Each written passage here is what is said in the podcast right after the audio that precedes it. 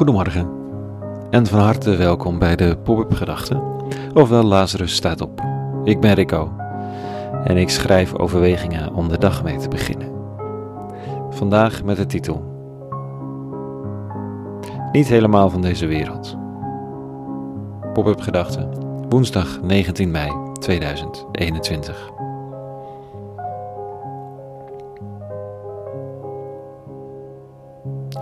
Te goed voor deze wereld zijn. Dat kan. Een beetje van de wereld zijn, ook zoiets. Het verlies van contact met de aarde. Het is niet realistisch. Of je hebt een tik gehad, waardoor je niet helemaal bij je positieve bent.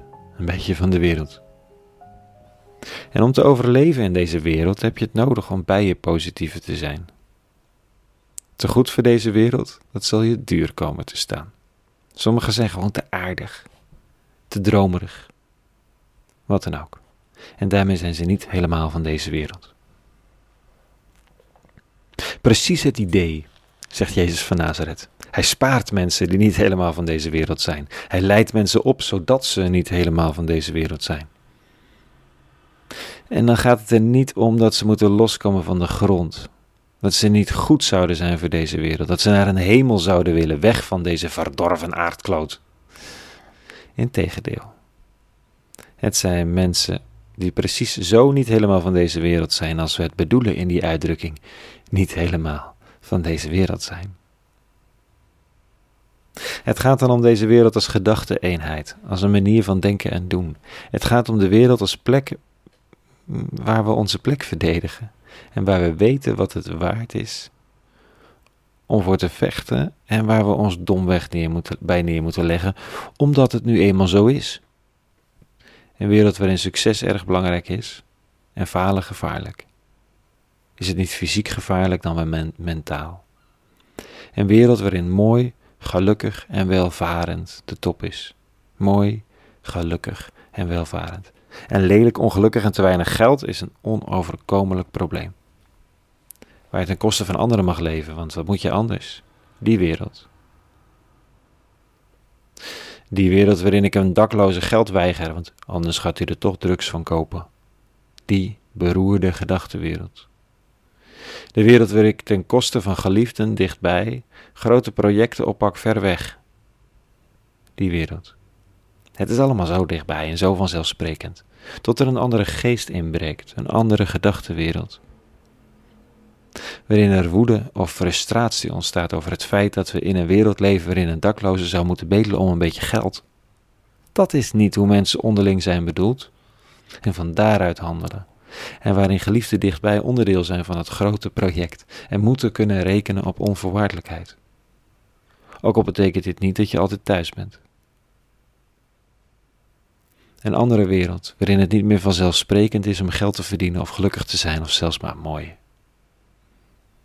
waarin de logica van realiteitszin voortdurend weer wordt bevraagd. Want het kan wel niet anders kunnen, volgens degene die de touwtjes in handen hebben, maar daarmee is het nog niet goed, of zelfs maar in de verste verte oké. Dus is er protest en aanklacht en verzet tegen onrecht, neerbuigendheid en mismanagement. En dat resulteert in strijd, van binnen en van buiten.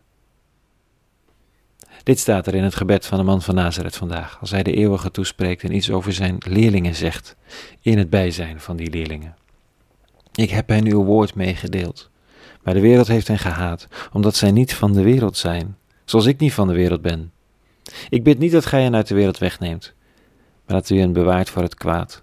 Ze zijn niet van de wereld, zoals ik niet van de wereld ben. Niet vertrekken uit deze wereld met je aandacht en je lijf. Het is juist het idee om midden in die wereld niet helemaal van deze wereld te zijn. Ja, dat levert haters op, natuurlijk. Daarom een gebed om bewaard te worden voor het kwaad. En de bevestiging dat zij, zijn leerlingen, niet helemaal van deze wereld zijn. Sommigen zullen zeggen te goed voor deze wereld, maar dat is het niet. Het is juist een herinnering aan hoe de wereld misschien ook kan zijn als we het risico nemen, als we durven verliezen, als we durven arm zijn, als we durven onze eigen lelijkheid onder ogen te komen, als het succes op het spel mag staan, de welvarendheid en de schoonheid. Dat is misschien wel de enige weg Naar iets van succes voor de mensheid samen. Naar een welvarendheid in spirituele zin. En naar schoonheid. Innerlijke rust en schoonheid. Tot zover wat gedachten over niet helemaal van deze wereld zijn. Een hele goede woensdag gewenst.